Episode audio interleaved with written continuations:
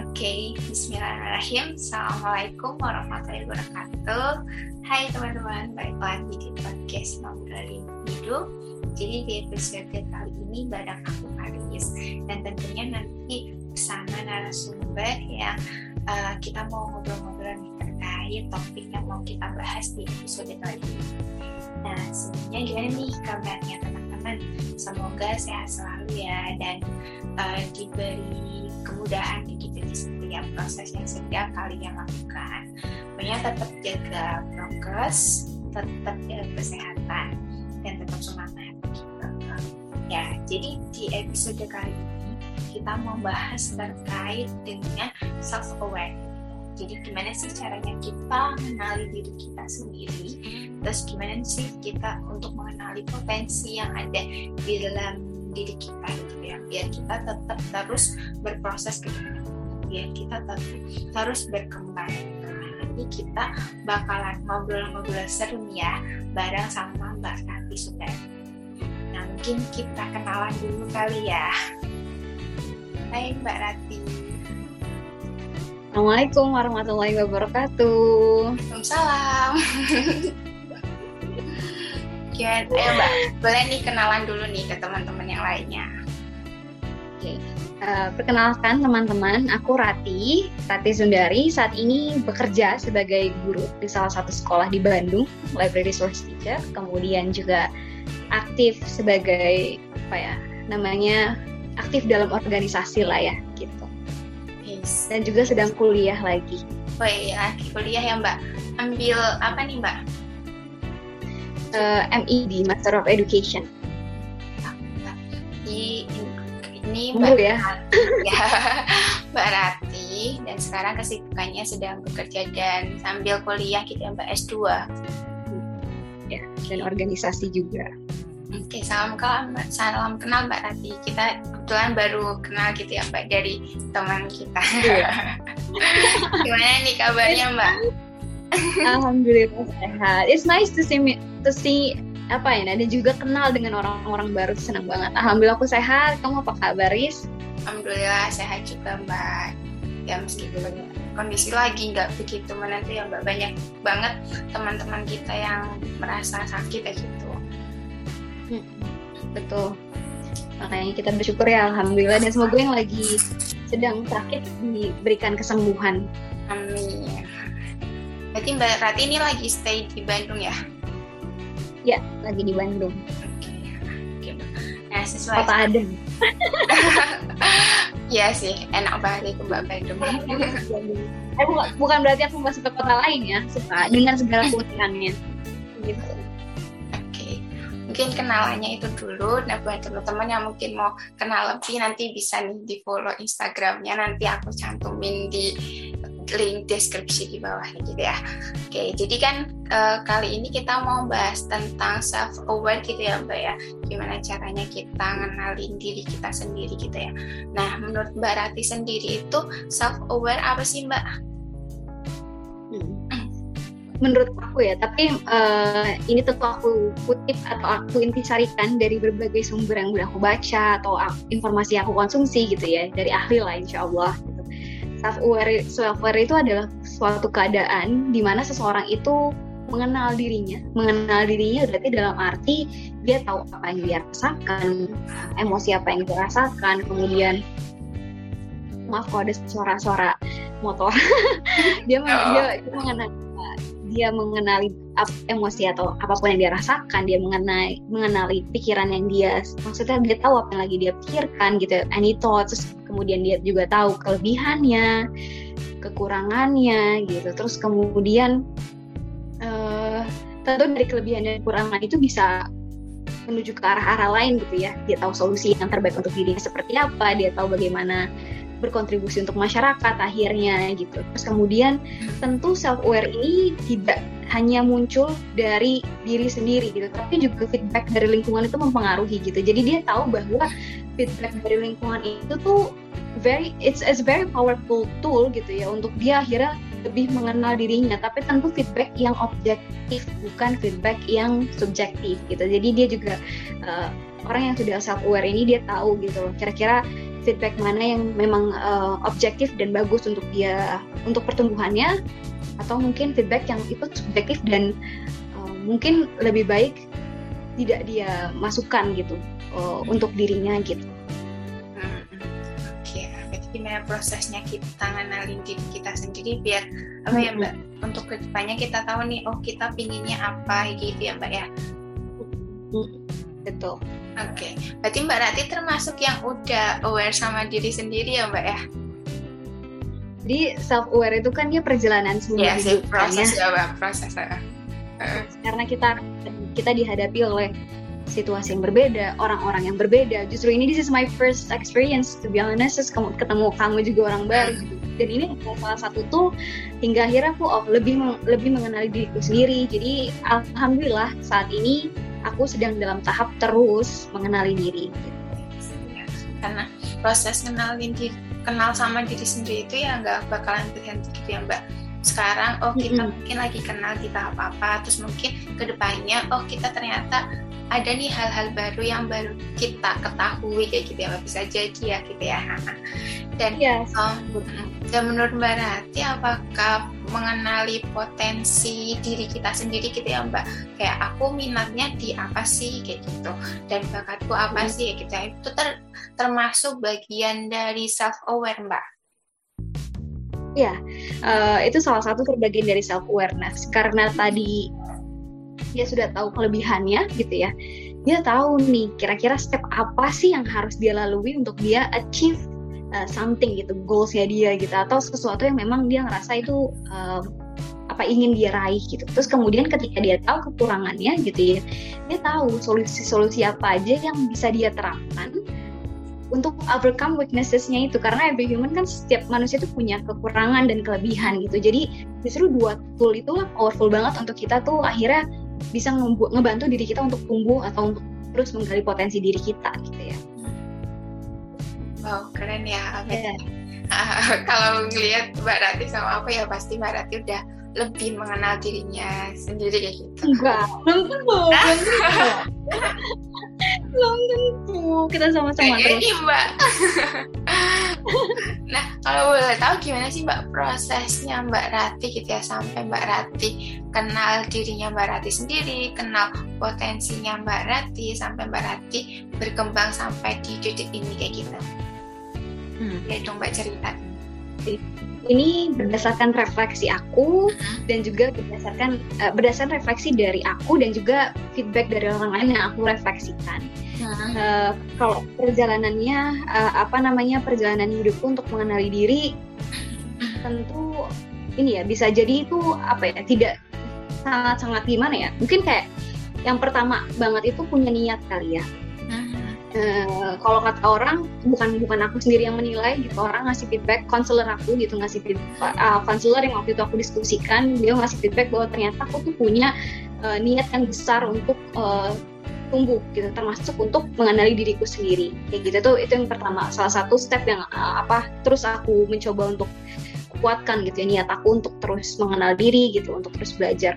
Kemudian tapi uh, kemudian setelah itu aku pernah juga ada dalam tahap kayak aku tuh nggak tahu aku tuh mau ke mana sebenarnya. Nah, yeah.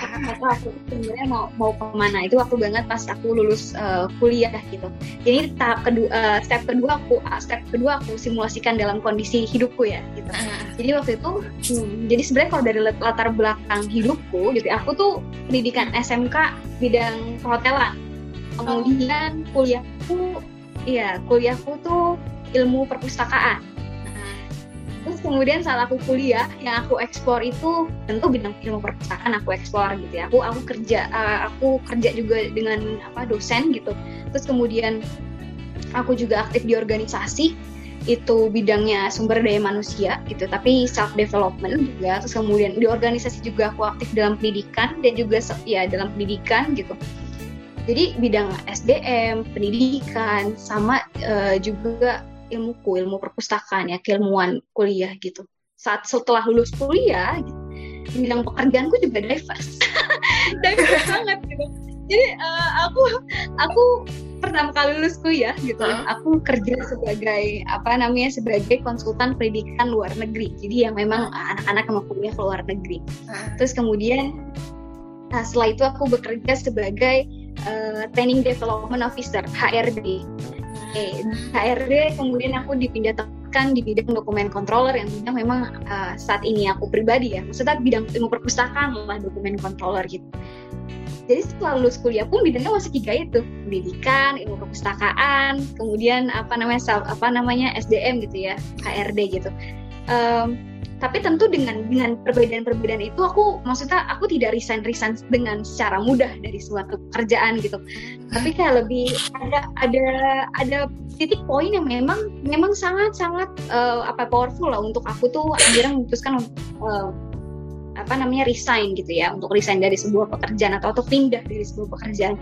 Ada memang alasan yang begitu fundamental menurutku. Dan dan akhirnya sekarang ada di posisi sebagai guru gitu, tapi juga uh, tapi juga dalam bidang perpustakaan gitu ya library resource teacher. Nah saat proses perjalananku itu dari kuliah sampai dengan lulus kuliah, step yang aku lakukan saat itu adalah untuk aku lebih mengenal diri gitu ya. Uh, step yang aku lakukan saat itu adalah yang pertama tuh practice mindfulness. Jadi waktu itu memang uh, aku dikasih keadaan sama Allah uh, apa ya keadaan sama Allah tuh mentalku uh, di mana aku harus terus uh, untuk aku harus terus membantu mentalku gitu ya. Untuk membantu psikologisku lebih baik gitu. Dan aku belajar aku baca aku harus salah satunya practice mindfulness gitu. Aku tahu uh, aku belajar untuk menyadari apa yang lagi aku saat ini aku lagi pikirkan apa yang aku lagi lakukan benar-benar mindful gitu ya. Dari berbagai macam cara gitu ya mindfulness pun dalam berbagai cara. Terus kemudian setelah mindfulness aku pernah ada di titik kayak ya Allah sebenarnya uh, aku tuh bidangnya apa ya? Gitu. Apa namanya? Gitu, gitu. Karena dengan latar belakang tuh gitu ya terus gitu. Dengan latar belakang tuh gitu diverse. Aku tuh sebenarnya bidangnya apa ya ya Allah? Sampai akhirnya aku baca buku di Ipustas judulnya itu Who Am I? By Retno siapa gitu. Terus di, di dalam di dalam bukunya itu tuh ada tool. Ada tool untuk tahu kira-kira tuh aku tuh kita tuh bidang pekerjaan apa? Yang cocok gitu. Bidang pekerjaan yang apa yang cocok. Karena aku sampai Allah aku interestnya di sini sini sini. Tapi aku nggak tahu yang spesifik tuh yang mana. Ya Allah. Iya gitu sampai akhirnya aku uh, pakai tool itu gitu. Jadi nggak tahu seberapa saintifiknya itu dan segala macam. Aja scare mungkin ini ada tuh yang bisa aku pakai untuk aku lebih aku lebih kenal diriku. Ya alhamdulillah dari dari buku itu tuh kayak yang ketahuan gitu. Aku tuh cocok di bidang research aku tuh cocok di bidang uh, apa namanya ilmu perpustakaan gitu. Di dalam research itu state seperti itu. Terus kemudian aku bilang lah tuh itu terakhir tuh pas aku lagi kerja di Bekasi itu di apa namanya bidang training development dan juga dokumen controller. Sampai akhirnya aku bilang sama Allah gitu aku doa ya Allah kayaknya enak deh kalau Ati tuh dapat kerjaan tuh di bidang yang perpustakaan ya Allah. Tapi kayaknya nggak nggak 100% perpustakaan deh. Mungkin sambil ngajar kali ya ya Allah gitu. Atau kayak gitu ya Allah gitu. Biar mungkin lebih lebih dynamic dan lebih uh, challenging buat Ati gitu. Terus kayak um, mungkin juga kayaknya di Bandung enak deh ya Allah. Ya udah alhamdulillah Allah kasih. Iya anda alhamdulillah Allah kasih. Tapi tentu tentu dengan, dengan spesifik spesifik kejadian dalam hidup gitu ya yang akhirnya aku aku pelajarin gitu. Jadi ya kalau uh, dan sekarang uh, yang terus-terus aku lakukan ada refleksi diri, asking for feedbacks, kemudian um, refleksi diri ini juga refleksi diri yang mendalam ya, gitu. Bukan hanya uh, apa namanya, bukan hanya kayak sebatas apa ya, sebatas refleksi yang enteng. Tapi jadi gini, kalau misalnya refleksi diri yang aku lakukan itu seperti misalkan di malam gitu ya, atau pagi biasanya pagi subuh itu uh, bagus buat refleksi diri juga. Jadi kayak what works yesterday what did work yesterday what didn't work gitu. Terus kayak oh oke okay, ketika kemarin tuh aku kayaknya kurang ini deh di scheduleku kurang itu apa yang aku bisa lakukan selanjutnya uh, kalau misalnya itu ternyata tidak bekerja dengan baik gitu ya. Jadi nah tapi throughout the day itu terus di uh, di apa aku buka lagi hasil refleksi diri hasil refleksi diriku gitu untuk aku remind diriku. Karena refleksi diri itu percuma dilakukan ketika itu tidak dijadikan sebuah tool untuk improvisasi diri. Um, ya jadi gitu sih. Iya, checking, checking, apa check in ke diri sendiri juga tentang apa yang kita rasakan gitu, uh, apa yang kita pikirkan gitu lebih lebih ke arah sana sih. Jadi kalau aku konklusikan niat kemudian mindfulness kemudian apa namanya pakai tools tools untuk mengenal diri gitu ya. Banyak banget toolsnya sebenarnya kan. Teori-teori juga Johar Window itu bisa dipakai gitu. Atau yang online online juga banyak tuhnya yang yang terus yang tentu yang tervalidasi gitu ya. Terus kemudian apalagi refleksi diri gitu sih. Refleksi diri. Niat terus terus belajar. Gitu. in conclusion aku terlalu banyak ah ngomongnya. Masya allah banget. Uh, sangat menarik sih mbak ceritanya mbak. Maksudnya kayak ternyata ya prosesnya panjang gitu ya mbak. Nggak cuma instan gimana caranya kita kenalin kayak ada proses-proses terus ya ada pasti di titik di mana kita kayak di bawah kayak gitu yang kayak tadi mbak Rati. Aku tuh sebenarnya minatnya di mana sih ya gitu. Kayak ya semuanya kok kayaknya asik kayak gitu. Tapi kan nggak mungkin semuanya kita uh, dalami kayak gitu ya mbak. Harus ada salah satu yang kayak biar oh ini kayak Mbak Rati banget lah kayak gitu. Nah salah satunya kayak tadi Mbak Rati coba cari-cari tools yang oh gini nih caranya buat kenalin diri. Nah kalau boleh tahu itu toolsnya apa aja Mbak? Mungkin di sini nih para pendengar nih kayak masih apa ya bingung kayak gitu. Nah, kalau yang Mbak Rati lakuin sendiri, apakah emang misal kayak tadi refleksi diri, oh lebih suka ngecatetin nih, oh hal-hal ini nih yang masih aku kurang atau kayak gimana gitu Mbak? Oh yes, uh, betul ya. Tadi juga aku kayak lupa mention ya. Terus berdoa, berdoa itu powerful banget untuk kenal diri ya tentu.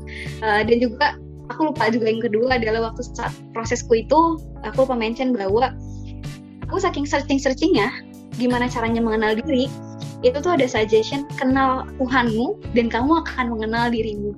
Gitu. Jadi dalam proses itu aku lupa mention tadi dalam proses itu juga aku berdoa dan juga mengenal uh, mengenal Allah Subhanahu Wa Taala gitu ya. Karakternya seperti apa semuanya aku coba coba kenal dan uh, alhamdulillah the best of my apa experienceku gitu itu works buat aku lebih mengenal diriku dan seterusnya gitu dan mengenal Allah juga kan sebuah perjalanan begitu panjang oke okay, terkait tool uh, terkait tools yang mungkin bisa kita pakai satu itu mungkin teori Johari Window.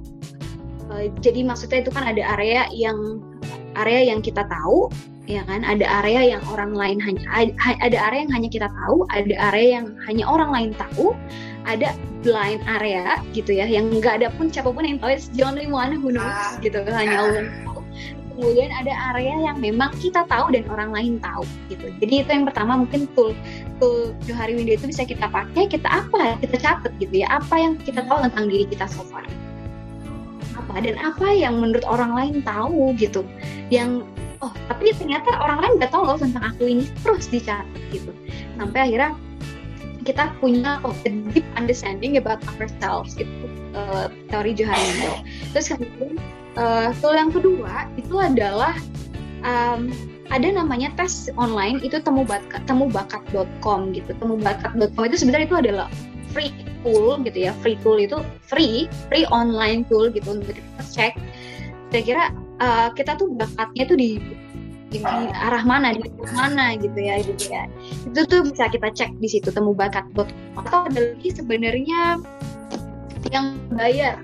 Itu kan SC30 itu namanya. Kalau yang berbayar ada lagi namanya apa ya? dua aku lupa uh, pendirinya uh, orang ITB apa ya? Jadi alumnus ITB atau gimana? Aku agak agak lupa nih terkait yang uh, ketiga aku sebutkan gitu. Ada yang ada yang berbayar ada yang berbayar uh, dan itu cukup terkenal di Indonesia ya. Tapi aku lupa namanya. My bad I'm sorry. Terus kemudian di buku-buku buku-buku mengenal diri biasanya juga suka ada tool-tool ada tool-tool kayak gitu ya untuk uh, mengenal diri yang mungkin bisa kita pakai. Tuh kayak gitu sih so far. Terus belajar itu juga ini ah ya dikenalin Tuhan ya kita dulu gitu ya mbak. Insya Allah bagi yeah. kita kenal diri kita sendiri terus juga kita bisa ngikutin tes-tes online ya gitu ya ataupun di buku self improvement juga kadang ada ya mbak untuk cara-cara gimana sih kita biar kenal diri terus kalau enggak apa sih hal-hal yang harus kita hindari gitu yang bakalan apa ya membuyarkan fokus kita ke dalam proses yang sedang yeah. kita lakukan gitu. Jadi emang prosesnya itu lumayan panjang kayak gitu ya Mbak. Apalagi uh, di usia yang se 20-an tahun gitu ya Mbak. Apalagi yang baru lulus itu kan pasti juga uh, masih pingin pilih A, B, C, D, E gitu atau enggak. Pingin ke sana ke sini kayak gitu ya Mbak. Nah, gimana sih Mbak caranya biar kita tetap tetap apa ya Mbak tetap mengkerucutkan kayak tadi yang Mbak Rati uh, biar bisa oh fokusnya di yang A aja deh, yang B, C. Kayaknya emang aku interest di sana, tapi kayaknya kok nggak menghasilkan ataupun oh ya udah ini sekedar hobi ataupun nanti pas waktu luang kayak gitu mbak biar kita tuh tetap uh, sesuai sama potensi diri kita kayak gitu jadi biar tetap bisa menahan diri kayak gitu mbak oke yang pertama mungkin uh, biasanya aku aku dulu in the past gitu ya itu uh, berlari begitu cepat gitu. Jadi take any opportunities that you see, ambil ambil ambil ambil sampai kita lupa. gitu. Sampai akhirnya eh, itu bukan juga gitu karena kita apa namanya uh, mengambil opportunity yang memang sudah kita bertumbuh. Tapi terkadang aku lupa untuk take time untuk mikir, bener-bener mikir gitu ya.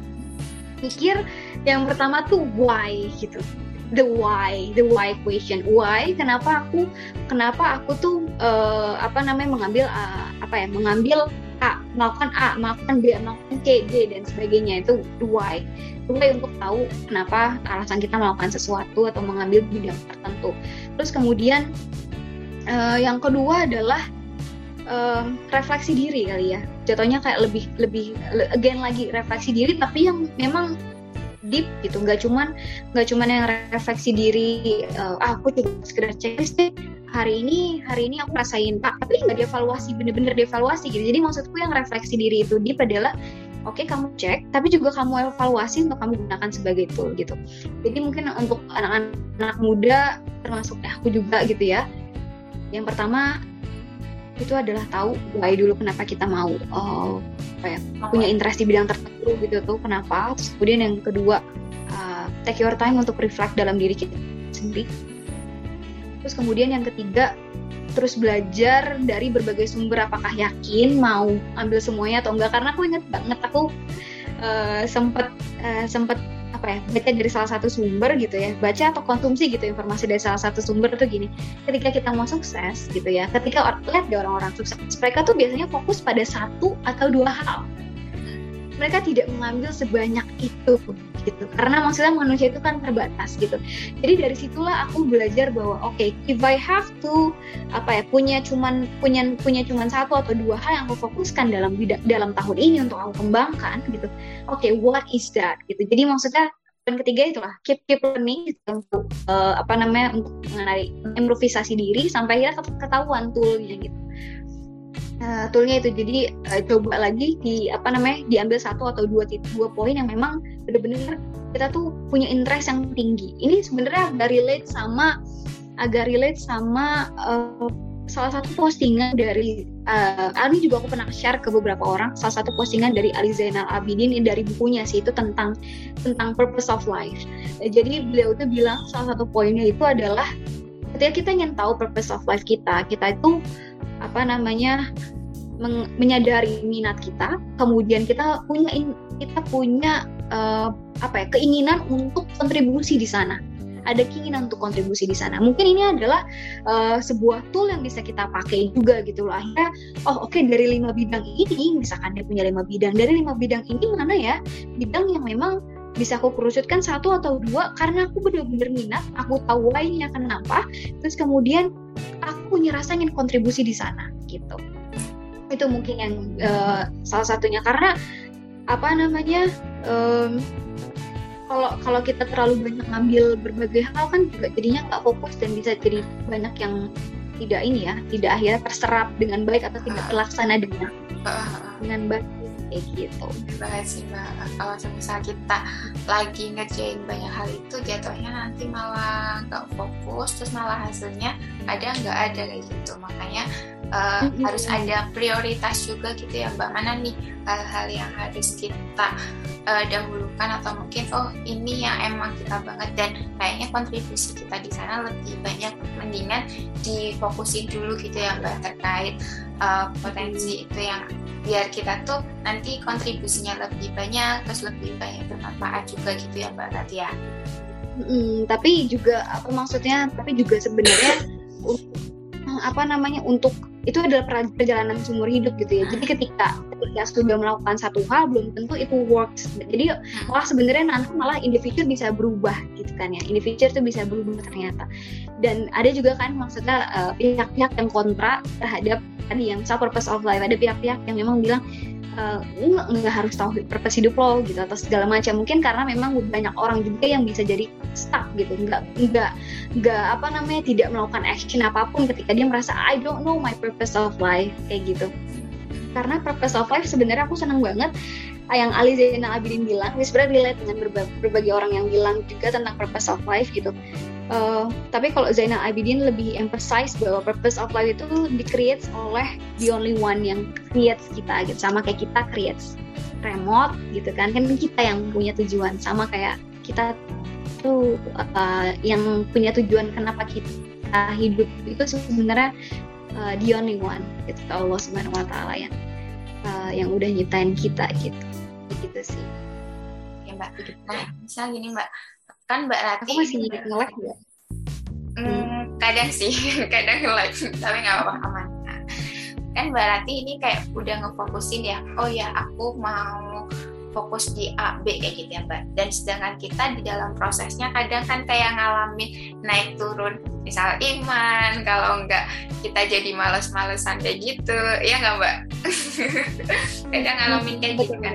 Nah, kalau dari Mbak Rati sendiri gimana nih caranya biar uh, apa ya tetap uh, ini aku kok aku di awal udah kayak misal tes minat bakat atau mungkin aku udah cari strong way-nya oh ya aku ini kok tapi kan dalam keberjalannya pasti ada naik turunnya nah yang Mbak Rati lakuin itu biasanya ngapain Mbak? apa cek lagi hmm. ke belakang atau gimana nih? That's that's a very good question to be honest. Um, ketika aku satu hal aku satu hal yang aku pelajarin dari ini maaf kalau konteksnya lebih ke Islami gitu ya. Oh, uh, Oke, okay. jadi uh, aku the advice dari Ustadz Umar Mita itu adalah ya apa yang beliau sampaikan itu adalah perjalanan menuju Allah itu adalah perjalanan panjang dan begitu banyak uh, apa namanya dan ada banyak kendala diri yang muncul dan sebagainya. Nah kayak tadi rasa bosan, rasa malas itu adalah kendala diri, kendala diri manusia. Sebenarnya Ustadz Mista, Ustadz Umar Mita ini menyampaikan hal ini dari buku yang gue baca. Bukunya itu Muslim Hebat. Mungkin uh, teman-teman nanti mau baca buku Muslim yeah. Hebat gitu. Dan it's a really good book apa self improvement book gitu. Meskipun aku belum baca tapi aku mengikuti reviewnya gitu. I really wanna apa read that soon gitu ya. Um, Uh, gitu itu yang pertama uh, tapi tapi kata Ustadz Umar Mita setiap ma manusia yang hebat itu gitu ya manusia yang eh, bukan kata Umar Mita dari buku yang beliau review gitu ya disampaikan bahwa manusia yang hebat itu bukanlah bukanlah manusia yang tidak punya kendala diri. Tapi manusia hebat itu adalah manusia yang tahu bagaimana overcome kendala diri itu oke okay, ketika dia bosan akan mengerjakan suatu hal mungkin dia mungkin biasanya baca buku yang agak tebal mungkin bisa dirubah ke baca buku yang agak lebih tipis. Mungkin ketika lagi uh, ketika lagi malas sesuatu um, biasanya aku berdoa sih. Kalau lagi malas aku berdoa uh, apa namanya minta perlindungan dari rasa malas gitu ya gitu. Ada zikir paginya zikir petangnya juga kan ya untuk terhindar dari rasa malas uh, kemudian itu jadi aku tahu biasanya kalau aku lagi malas itu ketika aku tidak membuat to-do list ketika aku tidak membuat skala prioritas. Jadi usahakan uh, apa namanya usahakan hari itu in the morning aku buat skala prioritas aku tahu apa yang aku harus lakukan step by step in the, uh, termasuk time blocking gitu ya. Jadi untuk rasa malas tuh insya Allah terovercome. Karena aku tahu di mindsetku udah tahu it's a lot of job you have to do gitu. Maksudnya ketika lo malas-malasan ya oke okay, ya you I mean nanti lo malah malah malah dapet apa namanya resiko yang lebih besar gitu. Ya, jadi gitu kali ya. Yang pertama overcome, overcome apa namanya kendala dalam diri, terus kemudian ya overcome rasa uh, kendala dalam diri. Terus kemudian uh, satu mindset juga yang mungkin mindset ini penting banget sih ya untuk uh, untuk kita punya dalam diri setiap manusia. Salah satunya adalah mindset uh, bahwa memang untuk menjadi pribadi yang lebih baik itu adalah perjalanan yang begitu panjang. Nah, di dalam apa namanya Umar uh, Ustadz Umar Mita menyampaikan bahwa perjalanan menuju Allah itu perjalanan yang begitu panjang uh, dan melelahkan gitu. Jadi mungkin bisa jadi melelahkan gitu. Jadi ketika kita lelah gitu, kita, kita ketika kita tadi biasanya berlari, maka berjalanlah. Termasuk termasuk ketika kita lagi ini ya uh, proses improvisasi diri gitu. Ketika kita biasanya berlari, berjalanlah. Tapi ketika tidak bisa berjalan, maka bisa lah uh, apa namanya merangkak, ya. Atau gimana gitu. tapi jangan pernah balik ke yang dulu gitu. Jadi at least single step really works gitu. Jadi maksudnya mungkin kita cuma kita cuma ngelakuin ini ya cuma itu aja. Tapi menurut Allah itu besar karena kamu sudah mencoba untuk overcome uh, overcome oh. kendala dalam dirimu. Melawan malasnya itu ya mm -mm, gitu. Berdoa itu powerful banget itu powerful banget ketika langsung saat kita nih lagi ngerasain males bisa nih kita uh, pakai tools berdoa gitu ya mbak biar dijauhkan dari rasa malas mungkin itu adalah yeah. ikan setan-setan yang mencoba menghantui kita gitu ya mbak jadi banyak ya, tapi juga itu apa namanya Tipnya solusi lainnya adalah yaitu oh, apa namanya biasanya udah buat to do list duluan di awal. Jadi udah tahu nih there is no time for such thing gitu. Nggak ada waktu untuk alasan dan sebagainya. Jadi mindset itu udah dibuat di awal gitu. Ya selain berdoa kita juga harus apa ya ngelakuin to do list ya mbak. Jadi biar kita tuh tahu oh ya hari ini aku mau ngerjain A B C D E gitu. Jadi biar rasa malas itu tuh uh, otomatis akan hilang gitu. Apalagi kita punya target oh iya hari ini aku harus nyelesain tugas A gitu. Jadi itu biasanya tuh ningkatin apa ya semangat kita gitu ya mbak. Biar kayak oh iya aku harus nyelesain ini biar besok nanti aku harus move ke yang lain Mm -mm. Uh, ada satu lagi sih, satu lagi lagi dari bidang uh, dari bidang hipnoterapis gitu ya. Aku pernah baca bukunya gitu ya tentang sama sih self improvement juga dan kemudian aku juga diskus sama praktisi hipnoterapis gitu ya, yang praktisasi bidang psikologi itu. Jadi kalau misalkan memang malam gitu ya, itu kan otak itu kan sudah masuk dalam ranah ya menyerap informasi termasuk pembentukan mindset, belief gitu ya dalam alam bawah sadar kita saat malam mau tidur itu uh, usahakan kita akhiri malam kita dengan baik. Itu juga sebenarnya diusahakan dalam Islam gitu ya malam kita dengan baik gitu ya. Uh, wudhu terus kemudian apa namanya uh, dan hal-hal sunnah-sunnah lainnya dan ditambah juga hal-hal sunnah lain dan ditambah mengingat uh, kira-kira kira-kira kita mengimajinasikan atau memberikan afirmasi positif kepada diri sendiri gitu. Kalau misalkan yang biasanya kita beli kita tuh malas gitu, kita imajinasikan bahwa kita tuh sebenarnya bisa seproduktif itu besok pagi gitu. Jadi maksudnya uh, banyak banget sebenarnya tool-tool yang bertebaran. Nah tapi ini salah satunya sih dari bidang uh, hipnoterapis ya gitu. Malam-malam kita menghipnotis diri sendiri gitu. maksudnya bukan hipnotis kayak ngasih afirmasi positif afirmasi dan juga ya, mbak.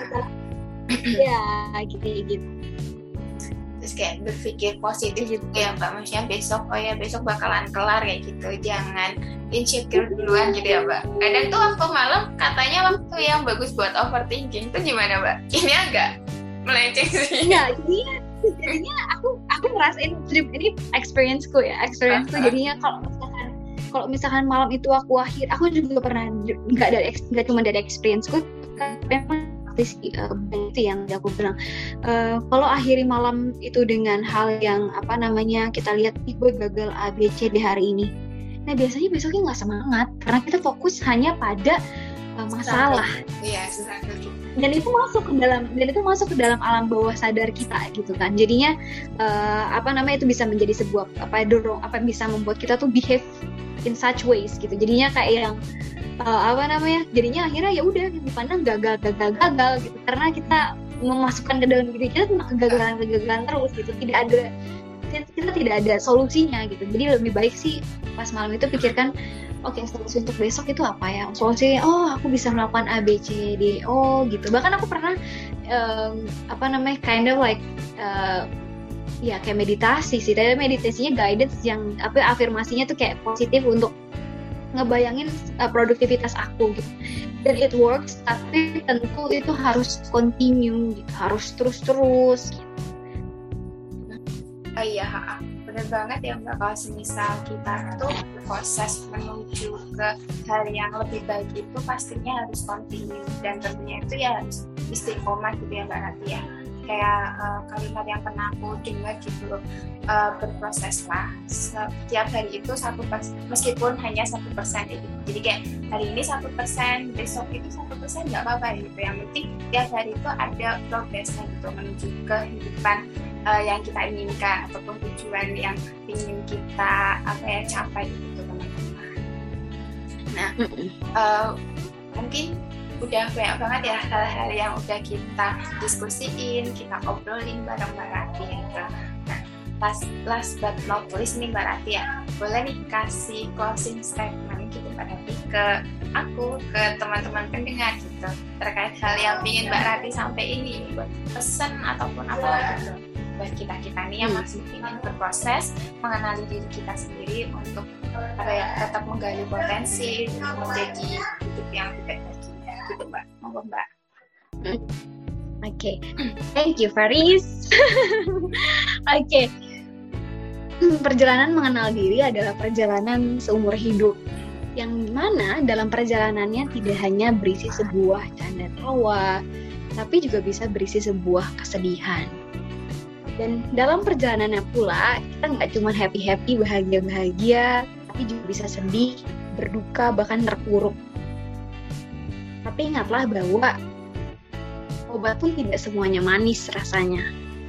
Obat pun tentu ya berbagai obat pun rasanya pahit dan insya Allah itu baik ya untuk kita tuh akhirnya sembuh. Termasuk uh, perjalanan hidup kita gitu ya apa pun yang kita lalui untuk kita akhirnya mengenal diri kita gitu. Mungkin pahit rasanya dapat feedback dari orang lain.